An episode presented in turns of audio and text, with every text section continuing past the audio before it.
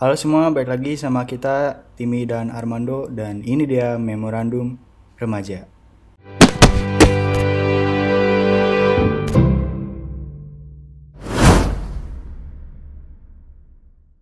Teman-teman semuanya balik lagi sama kita tim Tamdado. Maaf nih kita udah lama nggak podcast karena ya biasalah anak kuliahan ya ada aja tugasnya nggak habis-habis. Hari ini kita bintang tamunya spesial. Kenapa ya tiap minggu tiap podcast episode gue bilang spesial? Apa Karena sih emang- emang spesial sih kali Emang ini ya. sespesial itu. Karena emang spesial. Bintang tamu kita ini seorang mahasiswa psikologi yang nantinya akan menangani sakit-sakit berhubungan dengan mental. Ini teman gua dari SD, SMP, SMA kita pisah. Sekarang dia kuliahnya di Jogja, tapi sekarang lagi di Bogor. Dia kuliah di Universitas Sanata Dharma. Ini dia Cornelia Wahyu Yunita. Halo, Halo Nit, halo, halo. gimana nih kabarnya? Baik, kalian sendiri Basi banget gimana? ya sih. Basa-basi banget. ya. Baik banget, baik banget. Gimana tugas numpuk gak sih Nit? Biasalah. Kayak lebih numpuk arsi gak sih? Iya bener. Enggak, enggak. Gua enjoy kok. Enggak, enggak. Mata lu udah membuktikan lu nggak enjoy. Lu rame-rame tugas gak sih Nit? Sebenarnya gue juga sendiri bingung. Banyak tuh banyak, tapi bener-bener yang belum sampai begadang gitu loh. Gue malah heran, kok gue belum ada tugas yang sampai begadang ya? Sumpah Loh. jujur gue tuh heran gitu.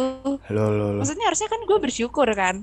Begadang gak ada Iya. tugas yang sampai begadang. Tapi gue heran malah justru. Kayak ada yang aneh gitu dari kuliah gue. Gue sekarang cuma pengen gua satu sih gue. ya? Gue Pengen cuma tidur ya? pengen Apa? tidur. Gue cuma pengen tidur gitu. Lu masih suka mimpi gak, Dok? Masih. Apa? Tapi Astagfirullah. udah udah gak terlalu aneh. Oh. Jadi Apa gini mimpi tim ya. Terakhir Gue gue jelasin nih. Gue jelasin. Jadi eh, waktu itu kan gini ya tim. Jadi waktu itu gini. Satu. Gue kan waktu awal-awal semester 1 bener. Semester 1 itu eh, masih belum bisa adaptasi ya sama kegiatan-kegiatan gue yang tugasnya parah banget nih. Terus eh, tidurnya pagi, tidur pagi, tidur pagi. Nah kebiasaan itu yang tidurnya pagi itu bikin gue mimpi gitu. Mimpinya tuh aneh-aneh. Mimpinya tuh hal-hal random. Tapi gue udah lupa sih mimpinya apa ya Nit. Gue karena terus gue inget kan, oh gue punya teman psikolog nih. Gue cerita aja ke si Nita. terus dia kasih tahu tips-tips eh, biar caranya gue nggak mimpi lagi. Terus gue jalanin tuh tips-tipsnya. Habis itu gue mimpinya udah lumayan berkurang sih yang udah mulai normal gitu mimpinya. Maksudnya nggak yang absurd banget gitu. Tapi emang seaneh itu mimpi lu? Kayak Iya. horor kah?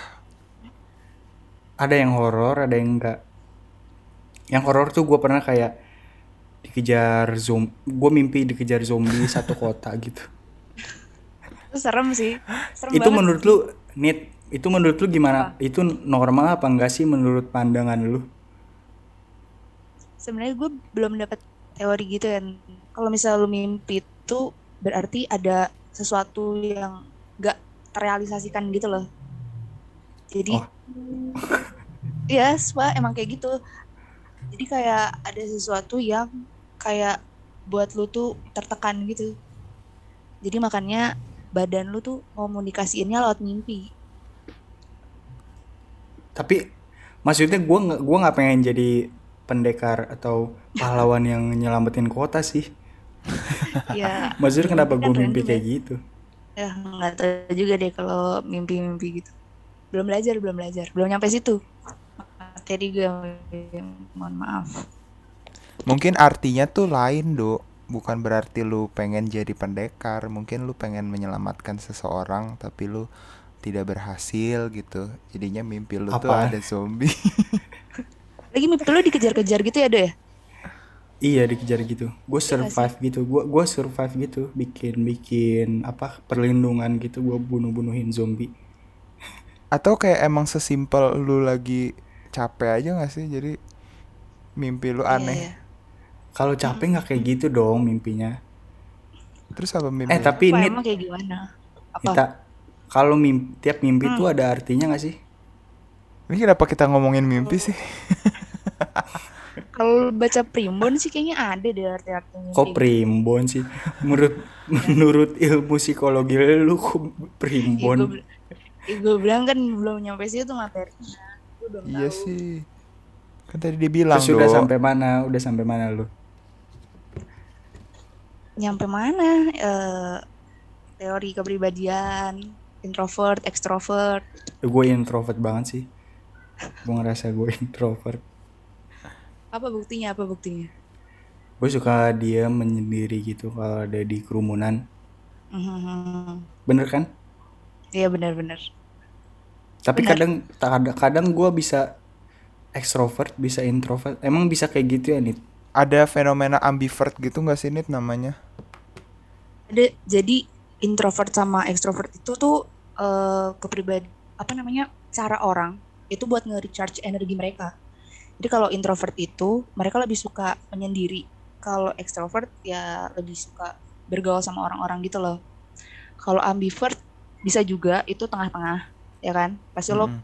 sering lah ngerasa kayak gue suka sendirian tapi kumpul sama orang seru juga nih gitu kan sebenarnya Iya, ada iya. juga tapi eh apa kadang-kadang tuh kan orang suka salah artiin gitu kan introvert tuh kayak pemalu padahal sebenarnya introvert tuh bukan yang kayak nggak mau maju di depan kelas gitu loh itu tuh cara nge-recharge energi cara lo komunikasi sama orang gitu lebih ke situ sih introvert extrovert tuh Hmm. Maksudnya nge-recharge itu apaan sih? kayak misalnya itu loh eh, lu ngerasa kalau semangat lu tuh tumbuh lagi kalau misalnya lu tuh habis ketemu sama teman-teman lu gitu rame-ramean Oh. sementara iya, kalau iya, lu iya. sendiri itu lu lebih suka sendiri itu dibandingkan ketemu orang justru ketemu orang tuh lu ngerasanya capek Hmm. Gue baru tahu sih ada recharge gitu. ya maksudnya itu salah satu sih salah satu teori yang gue pelajari Seru juga ya. Gue tuh tahu gak sih dulu tuh gue sempat mau masuk psikologi, cuma karena gue tahu susah dan orang-orang di keluarga gue juga tahu itu susah, jadi dia nggak mempercayakan gue untuk masuk psikologi. Itu termasuk uh, uh, pen- penyelewengan mental nggak sih Nit?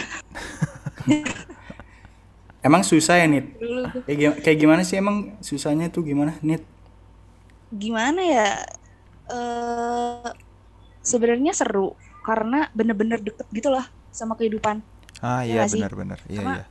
Ah iya benar. Eh, Oke. bahkan ada orang yang ngomong kalau psikologi itu nggak bakalan hilang lah ilmunya Se- karena selama masih ada manusia di bumi ini itu pasti psikologi itu kepake banget gitu kan terus kalau dibilang Betul. susah kalau dibilang susah ya susah juga sih dibilang abstrak abstrak tapi eh, konkret gitu loh gimana ya deket banget sama kehidupan tapi manusia tuh kan nggak bisa sekaku itu gitu loh ditentuin. Misalnya kayak teorinya ini itu tuh oh manusia tuh kayak gini gitu kan nggak bisa nggak bisa sekaku itu gitu loh.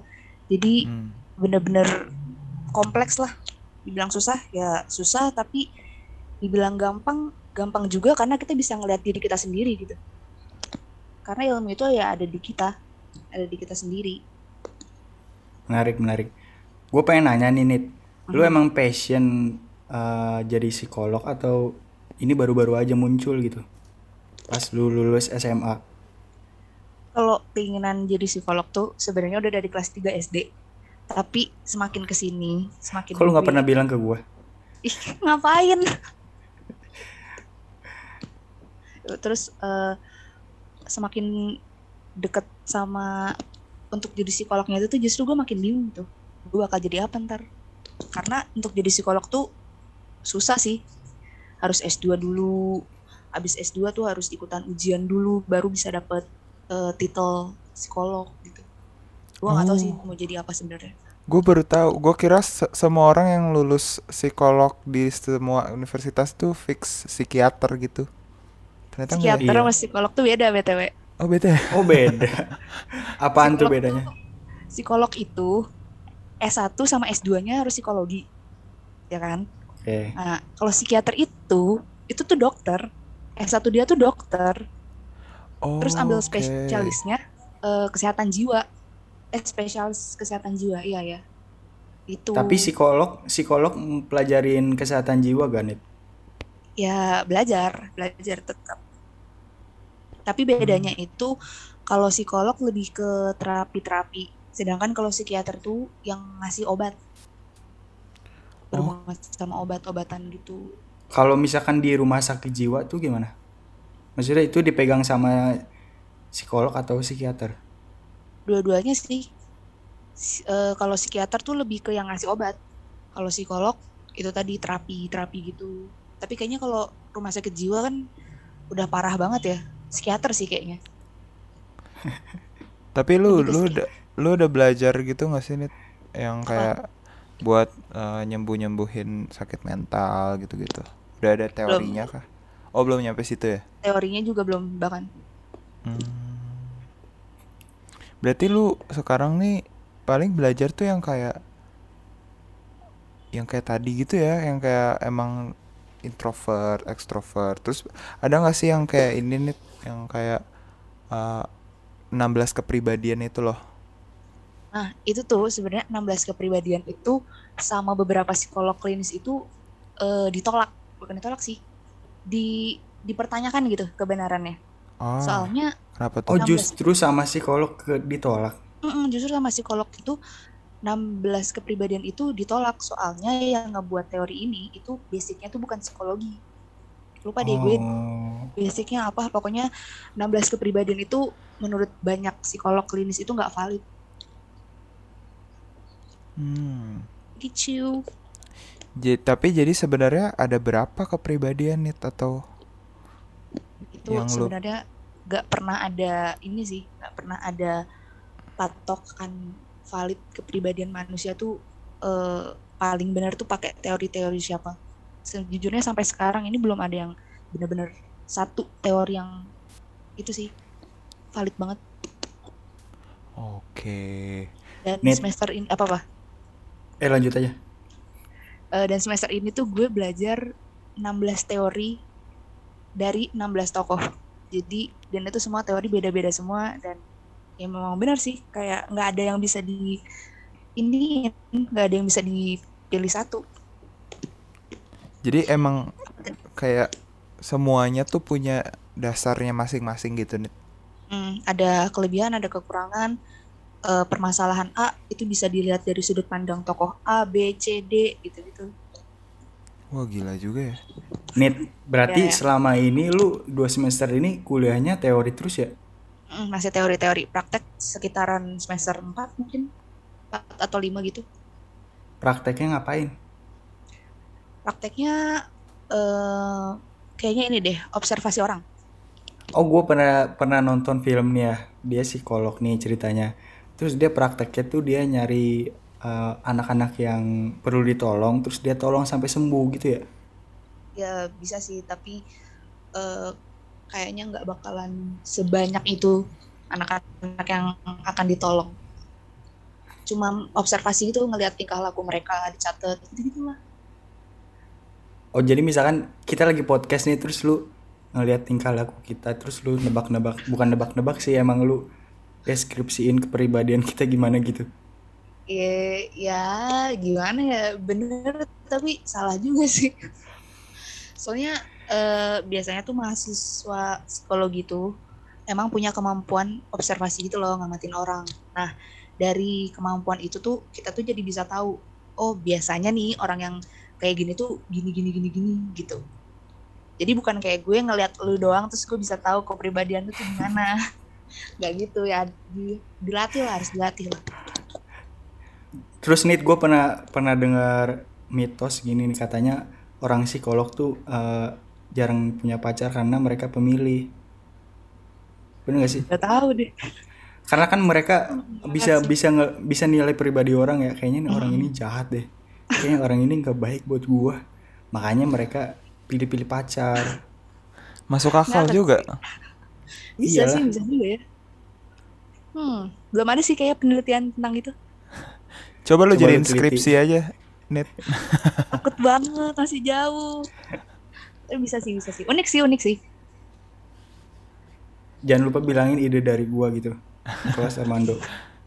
Special ntar gue thanks taruh di to daftar pustaka Tintam Dado 2021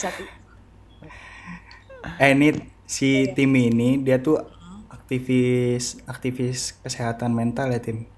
Iya, Sumpah bukan di mana?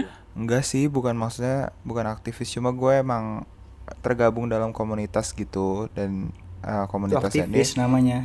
komunitasnya ini eh, fokusnya ke kesehatan mental gitu nih. Namanya Dialogue with Myself. Kayaknya lu tahu deh karena gue berengkinan juga. Oh ya ya. Pernah sih kayaknya lihat dia promosiin di ISG. Yes, itu dia. Terus Nit, Jadi teruskan teruskan. Ya ya.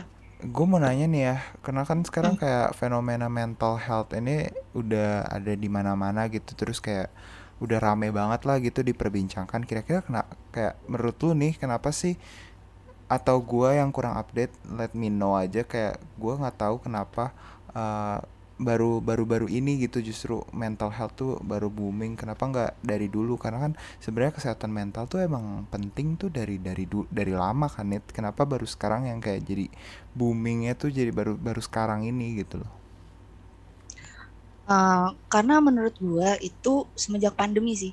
Semenjak pandemi Hmm. itu kan semua orang di rumah aja kan. Di rumah aja, Betul. ruang gerak mereka tuh terbatas, ketemu sama orang-orangnya juga itu-itu aja. Jadi itu banyak banget nimbulin eh, masalah mental gitu. Jadi stres, depresi. Apalagi kan banyak banget kan kasus sekolah online, eh, kerja, eh sekolah online, sekolah dari rumah sekolah dari rumah kerja dari rumah itu gitu kan bikin stres banget kan terus eh, jarang ketemu sama orang-orang sekalipun ketemu sama orang juga paling chatan atau video call yang esensinya beda kan jadi iya betul semenjak pandemi sih kalau menurut gua. Karena makin banyak orang yang ngerasa stres depresi gitu. Jadi baru-baru banget mulai hype- hype-nya itu sekarang sekarang ini. Oke. Iya sih gue juga merasa kayak gitu sih. Jadi makin banyak uh, akun-akun yang kayak membahas mental tentang gitu kan. iya ha, Mm-mm. benar-benar. Akun-akun yang tiba-tiba bahas tentang mental. iya Sekarang betul jadi sering ini Iya. loh teh seleb selebgram selebgram tuh jadi apa ya? eh, mental-mental gitu. iya iya, iya. kampanye online sih banyak kan Iya, dulu kampanye platform-platform Tapi justru itu bagus sih menurut gue. Jadinya kayak orang-orang lebih tergerak lagi gitu akan peduli. Sebenarnya tuh bagus, Ah, tapi kadang-kadang tuh ada orang-orang yang eh, suka sok tahu gitu loh. Banyak banget. Oh, iya. eh, kadang tuh banyak yang eh, justru jadinya tuh namanya tuh romantisasi kesehatan mental. Jadi seolah-olah tuh eh, penyakit-penyakit mental tuh kalau misalnya orang punya penyakit mental itu artinya tuh dia kayak keren gitu. Banyak banget kasus-kasus yang kayak gitu. Jadi, ya kan? Iya, Keren setuju, gimana setuju, maksudnya? setuju. Maksudnya Jadi gimana? kayak eh, gimana ya? Kalau lo punya bipolar tuh berarti lo tuh keren gitu. Padahal Iya, sebenarnya kan namanya penyakit mana ada yang keren ya nggak sih? Benar benar benar. Jadi Ya kan? ngaku-ngaku gitu ya. Eh, gue tuh bipolar Hmm, tahu gitu. ya. Iya, padahal dia tuh cuman eh Budian orangnya tapi nganggep diri dia tuh bipolar. Eh, ini mudian itu termasuk penyakit mental gak sih mudian? Kelainan mental Enggak, enggak, bukan. Oh, bukan. bukan. Kalau kelainan mental tuh eh, bipolar sih. Karena dia Hmm. perubahan moodnya tuh yang benar-benar ekstrim kan. Ekstrim terus ganggu aktivitas dia sehari-hari. Itu termasuk gangguan. Gue gue juga punya pernah punya teman bipolar dan bener sih gue juga kesian gitu sama dia. Karena yang tadi dia happy banget terus dia tuh eh, kesinggung dikit langsung jadi mood mood eh, down banget gitu kan Nit. ya kan sedihnya bener-bener sedih banget kalau marah tuh bisa banting-banting barang mukul orang lah segala macem Iya, itu bener. Tapi kalau penyakit-penyakit gitu, penyakit mental deh ya katakan nih semuanya. Hmm, Itu tuh oke. semuanya bisa disembuhin gak sih Nit? Apa emang ya udah gitu aja dari lahir setahu sampai tua? kalau setahu gue itu penyakit mental tuh nggak bisa disembuhin tapi gejala atau kambuhnya itu bisa dikurangin misalnya kalau eh, bipolar tuh dia lebih jarang ngerasa kalau senang-senang banget itu jadi lebih apa ya lebih sedikit gitu lah Hmm, munculnya Hmm. misalkan Jadi orang ada nih yang temperamental nih, itu tuh Mhm. bawaan dari lahir, menurut lu itu bawaan dari lahir atau eh, muncul sendiri gitu nih faktor-faktor lingkungan mungkin atau keluarga banyak sih sebenarnya kalau eh, perkembangan orang tuh ya bisa jadi karena dari lahir tapi bisa juga karena lingkungan banyak banget faktornya jadi nggak bisa eh, lo tanya kayak gini terus gue jawab oh ini nih pasti gara-gara dari lahirnya tuh dia emang kayak gitu. Nggak bisa. Banyak banget faktornya. Tapi bisa disembuhin nih. Temperamen atau apa tadi? Temperamen. Temperamen tuh kayaknya lebih ke kepribadian enggak sih? Jadi dia tuh sifatnya eh, relatif penetap gitu. Iya, oh. Kayak anger gitu kan. Mhm. iya iya. Mas gue itu. Tapi ini eh, Hmm. ini jadi kan ada juga tuh fenomena yang kayak waktu Joker keluar terus orang-orang tuh pada jadi kayak hype sama uh, kesehatan mental gitu kan Nit? Kayak Mhm. gue yang mau yang gue mau tanyain adalah apakah si scene-scene dari Joker ini bisa mempengaruhi bisa bener-bener mempengaruhi kesehatan mental seseorang atau kayak itu cuma sugesti aja gitu? Karena ada satu scene yang dia lagi nari-nari di WC kalau nggak salah itu tuh katanya bener-bener sampai orang-orang tuh bisa sampai nangis sampai kayak mau gila. Tapi pas gue nonton ya gue biasa aja gitu. Apa emang benerkah seperti itu atau emang kayak itu cuma ya fiktif belaka gitu? Jujur sebenarnya gue juga bingung sih. Karena gue nonton tapi gue juga ngerasanya biasa aja. Sedangkan baca testimoni orang tuh sampai mereka tuh kayak ke-triggered gitu ya iya nonton iya bener. film itu.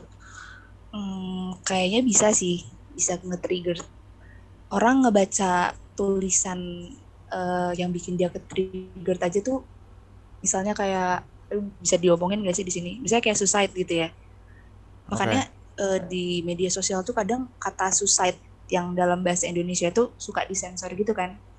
Iya bener karena takutnya eh, orang-orang yang baca tuh orang-orang bisa ke-trigger. Kayaknya bisa sih. Tapi kita nggak ngalamin aja. Oke jadi emang ada beberapa orang yang bisa merasakan itu ya. Hmm, menarik menarik menarik menarik. Terus nih gue mau nanya lagi nih ya eh, tentang kesehatan mental. Karena kan gue juga apa ya bergerak juga di di bidang itu gitu. Jadi kayaknya kalau kita ngobrol panjang nih bisa banget sampai jam satu malam juga bisa kayaknya satu pagi. Cuma Boleh, gua mau, boleh. mau nggak apa-apa. lebih lebih mau nanya gini aja sih Nit. Karena kan gue tuh apa yang ber apa ada komunitas yang bergerak untuk menyelesaikan situasi ini gitu kan. Biar kita juga bisa sama-sama berkembang untuk eh, ma- ma- ma- mengatasi si kesehatan mental ini. Tapi yang mau gue tanyain adalah lu kira-kira ada nggak sih yang lu tahu kalau untuk saat ini sebenarnya kesehatan mental tuh eh, yang lagi marak-maraknya tuh apa sih? Kayak misalnya apakah insecure kah atau mungkin overthinking kah? Kayak gue selama ini tuh eh, kalau gue perhatiin yang bergerak tuh di sana-sana doang gitu. Overthinking insecure terus apalagi ya eh, depresi gitu-gitu. Terus yang mau gue tanyain lagi apakah eh, apa yang mereka butuhkan dari kita kita ini gitu? Sang penggerak-penggerak si kesehatan mental ini sebenarnya tuh eh, apa sih yang harus kita lakukan gitu untuk eh, ngasih mereka healing moment gitu loh eh, insecure, overthinking ya sih benar. Eh, sebenarnya kalau ngomongin gangguan mental gitu, gue jujur aja nggak berani sih, karena takutnya eh, dari informasi yang gue kasih itu tiba-tiba tuh orang jadinya self diagnose. Hal-hal kayak ya gitu kan betul, nggak boleh kan, ya kan. Eh, tapi yang eh, takut terjadi sih ini sih compulsive shopping disorder. Jadi orang-orang kan sekarang apa-apa online, apa-apa online ya kan. Mungkin lu Iya. berdua juga sering lihat di TikTok ya itu setuju racun Shopee, racun Shopee gitu-gitu kan. Nah, Iya iya. hal-hal kayak gitu tuh takutnya malah bikin orang tuh jadi punya eh, perilaku belanja yang nggak normal. Yaitu si I, eh, itu tadi sih makanya gue berani ngomong ya takutnya nanti orang yang apa-apa belanja apa-apa belanja boros banget. Tiba-tiba nge tiba-tiba ngeklaim diri dia tuh compulsive buying disorder ini. Kan bahaya juga kan. Oh tapi yang jadi utama sih overthinking insecure sih iya. Itu dua topik itu. Iya bener ya. Kayak yang paling selama banyak. Uh, uh, masih masih apa ya? Meskipun udah kayaknya ribuan konten mengenai insecure, tapi tetap aja gitu orang tuh insecure.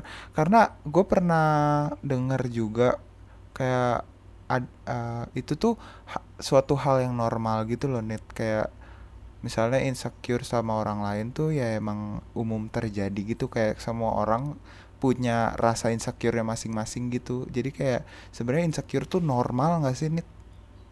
Insecure itu normal normal banget. Karena pasti kita punya eh, rasa pengen jadi orang lain gitu kan ngeliat orang lain kayak gini kayak gini Iya. kayak gini tuh kok kita nggak bisa ngerasa pengen gitu kan. Tapi yang nggak wajar itu adalah ketika lo itu eh, merubah diri lo buat eh, bisa jadi kayak dia. Itu nggak normal. Sama Oh. kalau rasa insecure itu tuh udah menghalangi aktivitas lu sehari-hari bikin lu tuh nggak bisa Oke. ngapa-ngapain. Ngerasa diri lu bahkan sampai nggak berguna.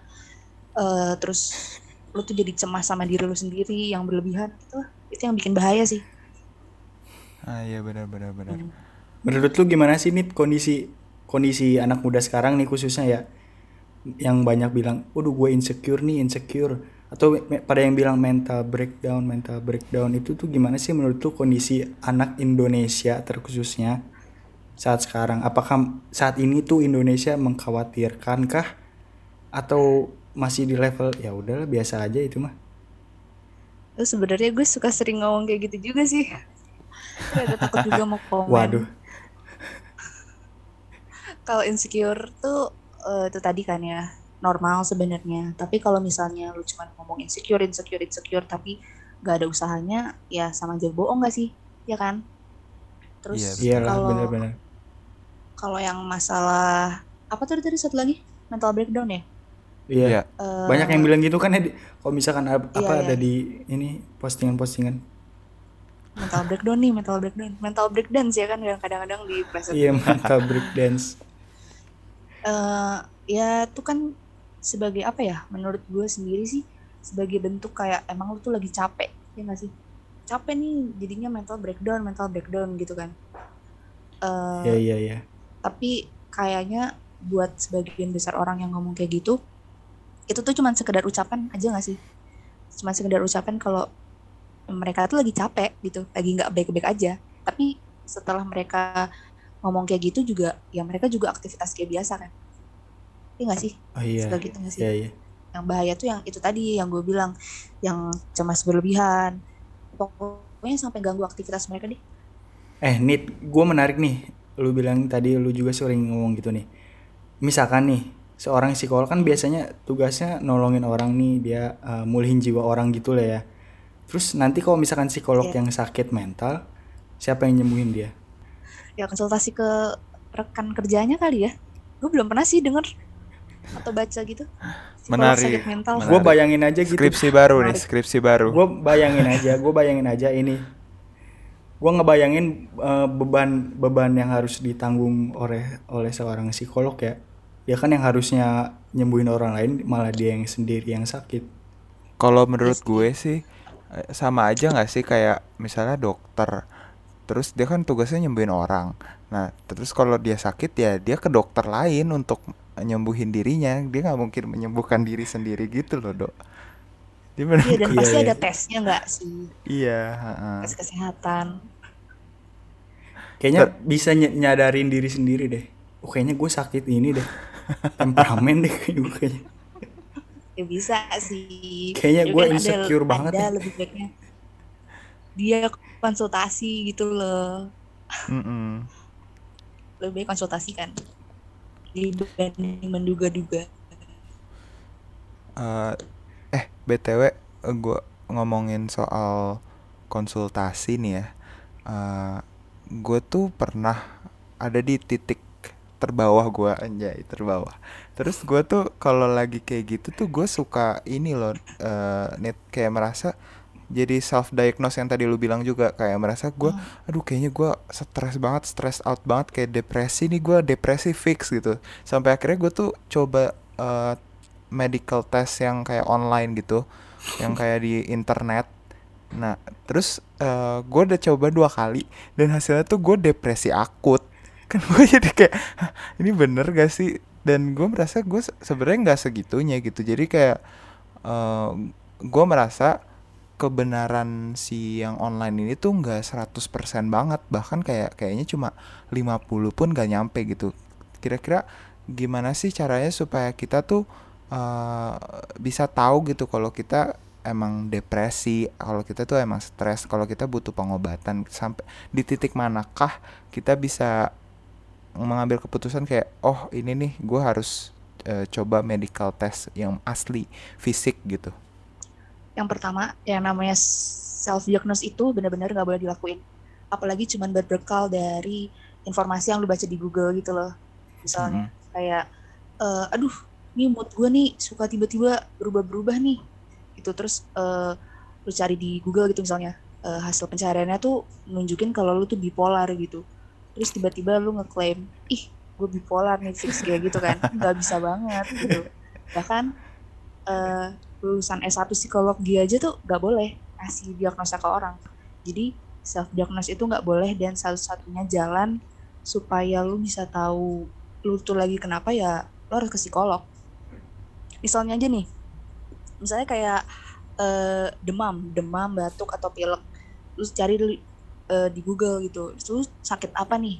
Terus kan banyak banget tuh kan eh, penyakit-penyakit terus tiba-tiba ketemu lah lu misalnya zaman sekarang nih demam batuk itu lu bisa aja kena covid kan padahal Mm-mm. sebenarnya lu Iya. covid lu cuman kecapean doang gitu kan jadi satu-satunya jalan harus ke tenaga profesional sama kalau misalnya mau pilih website-website kayak gitu jujur gue juga pernah ikutan tuh dan hasilnya juga gue depresi sih sumpah gue juga pernah ikutan juga dan hasilnya depresi juga itu nggak valid sih takutnya malah data lu dicuri nggak sih itu tes Iya, bener. gratisan kan Iya sih. Gratisan banget. ya kan takutnya malah data lu dicuri dan ya jangan percaya deh pokoknya sama website yang gratisan gitu Oke, intinya mah kalau ada masalah apa konsultasi ke psikolog ya. Iya, Iya. sama oh tadi ini eh, waktu yang tepat ke psikolog tuh sebenarnya kalau eh, lu ngerasa bener-bener aktivitas lu tuh terganggu. Lu ngerasa Oke. sedih mendalam, udah lu Hmm. halusinasi, paranoid gitu-gitu. Tapi eh, kalau misalnya nggak ngalamin kayak gitu, boleh nggak sih ke psikolog? Boleh, boleh banget. Untuk mengantisipasi hal-hal yang lebih berbahaya gitu kan. Takut takut beneran kena gangguan kan. Tapi boleh nggak Antisipasi. sih ini ke psikolog cuma Apa? mau curhat gitu boleh gak sih? Boleh, boleh banget. Misalkan Cuma mahal curhat, aja ya Nit ya. gue diputusin Nah, iya. pacar gitu, boleh gitu. Boleh, boleh aja. Oh Boleh boleh. banget. Mm, Tapi ya itu memang bener kata Timi tadi, memang biaya ke psikolog tuh memang agak mahal ya. Iya, Jadi- betul. Tapi jam tapi jaminannya lu nggak nggak bakal jadi orang gila. Iya sih. Bener.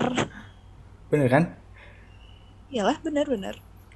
Tapi ada orang yang eh, biasanya bisa kalau punya masalah nih dia suka mendem diri sendiri di, di dalam dirinya sendiri. Menurut tuh orang-orang kayak gitu tuh gimana sih nih? Gak boleh sih sebenarnya. Tetap harus cari orang yang bisa lu percaya. Dan eh, dengan harapan orang yang lu percaya itu nggak membocorkan masalah lu terus kalau misalnya nggak bisa ngedeng nggak bisa ngasih solusi setidaknya tuh orang tuh bener-bener mau dengerin lu gitu Iya cari orang yang lu percaya deh kalau misalnya nggak ada ya udah psikolog aja deh nggak apa-apa Nggak apa-apa mahal asal nggak gila ya. iya Armando 2021 Betul. Oke, kita ngomongin eh, kesehatan mental anak-anak sekarang. oke oke Ini bukan remaja ya, ini anak-anak. oke Dari yang gua dari yang gua lihat nih di Instagram nih kadang-kadang suka banyak yang rame anak-anak tuh ah, kurang ajar gitu ke orang tua, ngelawan orang tua itu tuh apa ya? Kesehatan mental eh penyakit mental apa enggak sih? Kegangguan mental apa enggak sih itu? ada kebetulan tadi pagi tuh gue baru baru banget tahu kalau ternyata anak-anak yang ngebangkang itu ternyata termasuk gangguan mental. Itu tuh eh, lu tau tantrum gak sih anak-anak kecil tantrum? Enggak. tantrum Apaan itu kalau misalnya anak kecil yang kayak ngambek gitu loh nangis kejer. Iya iya iya. nah kayak gitu kan. Nah eh, itu kan kadang suka ngeresahin gak sih? Suka ngerepotin gak sih? Anak-anak Iya, kecil tantrum iya. gitu. Nyebelin Walaupun- ya. ya nyebelin kan. Walaupun itu eh, tantrum tuh jadi salah satu apa ya salah satu perkembangannya si anak gitu. Tapi eh, ternyata ada gangguan mentalnya gitu. Anak tuh ngebangkang dan kalau misalnya dia tuh nangis gitu permintaannya nggak diturutin tuh lebih dari tantrum deh pokoknya ada ada ada ada gangguan mentalnya Iya sih, gue gue sering lihat kayak gitu anak anak sekarang kalau misalkan nggak diturutin ya ah, nangis kejer gitu nangisnya. ya tantrum Bahkan sampai ada yang guling-gulingan di jalan gitu karena Hmm, nah, kayak nggak diturutin permintaannya. Eh, Jadi itu jadi itu Iya. gangguan mental. salah satu penyebabnya juga karena ini gak eh, sekarang tuh karena gadget jadi orang-orang tuh kayak anak-anak terutama Oh jadi iya iya iya. fokusnya tuh ke gadget gitu kayak terlalu adiktif gitu ke gadget karena gue juga pernah lihat gitu kayak ada anak eh, saking gilanya gadget terus dia tuh jadi kayak jalannya sempoyongan lah jadi kayak otaknya Gue pernah lihat yang kayak gini-gini nih, tim. Tangannya gini-gini dong. Sumpah, Iya, gue pernah lihat videonya. Tangannya tuh gini-gini. nih. Gitu-gitu sendiri, padahal udah nggak ada HP-nya. Padahal udah nggak ada HP-nya. ini yang, yang di Spotify bingung apaan sih gini gini gini apaan kayak gimana Tangannya tuh jempolnya goyang-goyang sendiri. Padahal Nah. HP-nya HP-nya tuh udah di udah nggak ada di tangannya, tapi tangannya tuh seakan-akan megang HP gitu. iya iya kan iya kan iya iya iya salah satu Iya, iya, iya. penyebabnya itu bisa bisa bisa terus tadi itu tantrum tuh bukan gangguan ya tantrum tuh eh, emang emang perkembangan anak-anak tuh ya tantrum gitu. Tapi yang eh, gangguannya tuh apa ya? Sorry sorry banget gue lupa namanya. Tapi ada gangguannya. Dan tantrum tuh bukan gangguan. Oh jadi kak kayak tantrum tuh emang suatu proses perkembangan anak tuh Wajar akan, berarti ya. iya akan mengalami proses tantrum wajar. itu kah? Mm-mm, tapi nggak semua anak kecil tuh tantrum sih. Oke. Nggak semua. Menarik nih banyak everyday learn something new nih kita ya Iya. kalau bisa belajar psikologi lu sekaligus belajar parenting sih iya benar benar benar parent Tapi kan kita masih remaja, tapi nggak apa-apa, persiapan ya. BTW ngomong-ngomong soal parenting jangan lupa nonton episode kita bersama Judith Naomi karena itu kita membahas parenting juga. Rasanya jadi anak pendeta. Bayangin bos, rasanya jadi anak pemuka agama yang dituntut harus suci. Gimana tuh? emang iya? Eh makanya lu dengerin, makanya lu apa dengerin podcastnya. Iya, oke oke. Terus nih, gue mau nanya nih, eh, kalau tentang anak-anak ya, kadang eh, ada gitu banyak orang tua bahkan yang merasa malu gitu kalau kita sebagai anak-anak misalnya eh, mau ke psikolog gitu. Karena kayak mungkin orang tua pasti bilangnya ah itu mah yalah eh, cuma ini doang kali lu lagi Nyepelein ya? kali ya kayak Nyepelein. nyepelein kesehatan mental padahal sampai anak itu bisa ngomong pengen ke psikolog tuh menurut gue suatu hal yang eh, apa ya warning gitu kayak bahaya gitu menurut gue jadi sebenarnya eh, pengaruh nggak sih nih yang kayak gitu-gitu tuh Ngaruh gimana nih maksudnya? maksudnya eh, pengaruhkah orang tua terhadap si kesehatan mental anak ini gitu Oh, pengaruh banget sih. Karena kita kan tahu ya eh, kesehatan mental itu kayak baru trendingnya itu kan sekarang. Nah, di masa-masa orang tua kita tuh kesehatan mental tuh kayaknya nggak pernah diomongin gak sih?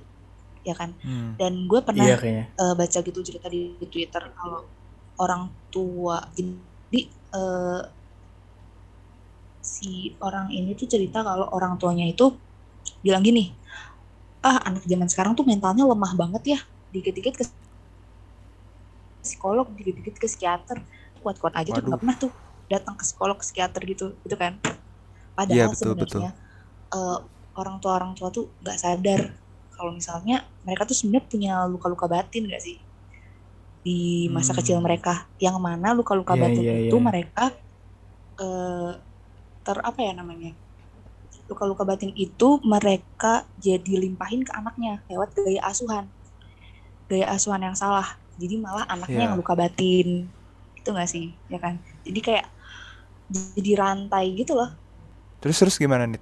Nah, terus eh, makanya karena orang tua itu kesadaran tentang kesehatan mentalnya itu belum eh, belum apa ya, belum ada gitu. Jadi makanya itu yang bikin kayak anak-anaknya tuh jadi takut gitu ke psikolog. Dan itu ya itu berpengaruh sih. Orang tua tuh berpengaruh sama kesehatan mental anaknya. Makanya eh, ngaruh ngaruh ke cara didiknya generasi kita lah ya ya ngaruh ke cara didiknya makanya diharapkan nih generasi kita tuh lebih paham tentang kesehatan kesehatan mental biar generasi mendatang kayak apa yang kita alamin Bener sih, menarik banget. Tapi menurut lu nih, Nit, apakah eh, penting eh, pendidikan kesehatan kayak kalau sekarang kan nggak pernah ada kan kayak pendidikan kesehatan mental di sekolah-sekolah gitu. Tapi menurut lu penting gak sih sebenarnya kalau kita mempelajari kesehatan mental sejak misalnya SMP atau mungkin bahkan SD gitu, supaya kita tuh tahu apa yang sedang terjadi sama diri kita sendiri gitu. penting penting penting banget karena eh, menurut WHO sendiri aja tuh kesehatan mental itu sama kesehatan fisik itu sama-sama penting. Jadinya yang selama ini kan kita taunya tuh fisik doang ya kan? Kesehatan fisik doang mentalnya nggak ada nggak nggak pernah kita pelajarin gitu maksudnya. Jadi kesehatan mental itu penting karena manusia itu ada fisik ada mental penting Betul. banget dan pengetahuan tentang kesehatan mental itu kan nggak cuma tanggung jawab anak psikologi doang nggak cuma tanggung jawab anak bimbingan konseling doang atau PGSD doang kan tapi itu pengetahuan yang wajib banget diketahui sama semua manusia setidaknya dasar-dasarnya sih Kalau sex education tuh termasuk gak sih sama mental? Enggak ya? Enggak enggak sih Menurut itu gue sih enggak. dokteran enggak sih Beda ya? beda-beda Sorry, sorry. Sorry, sorry. Oke deh, silakan Armando. eh tapi menurut gua menyambung sih tim itu ada masuknya sih lu misalkan gini nih eh, orang yang yang seks edik banget ya mereka kan men- mentalnya pasti kepengaruh misalkan lu nonton video porno terus lama-lama lu nyangkut di otak lu Gi- gitu nggak sih Nit? ngaruh nggak sih ke maksudnya ada nyambungnya kan ya ke mental gitu? Nyambung sih masih nyambung. Jadi nggak sehat ke otaknya otaknya jadi rusak. Masih nyambung sih masih nyambung.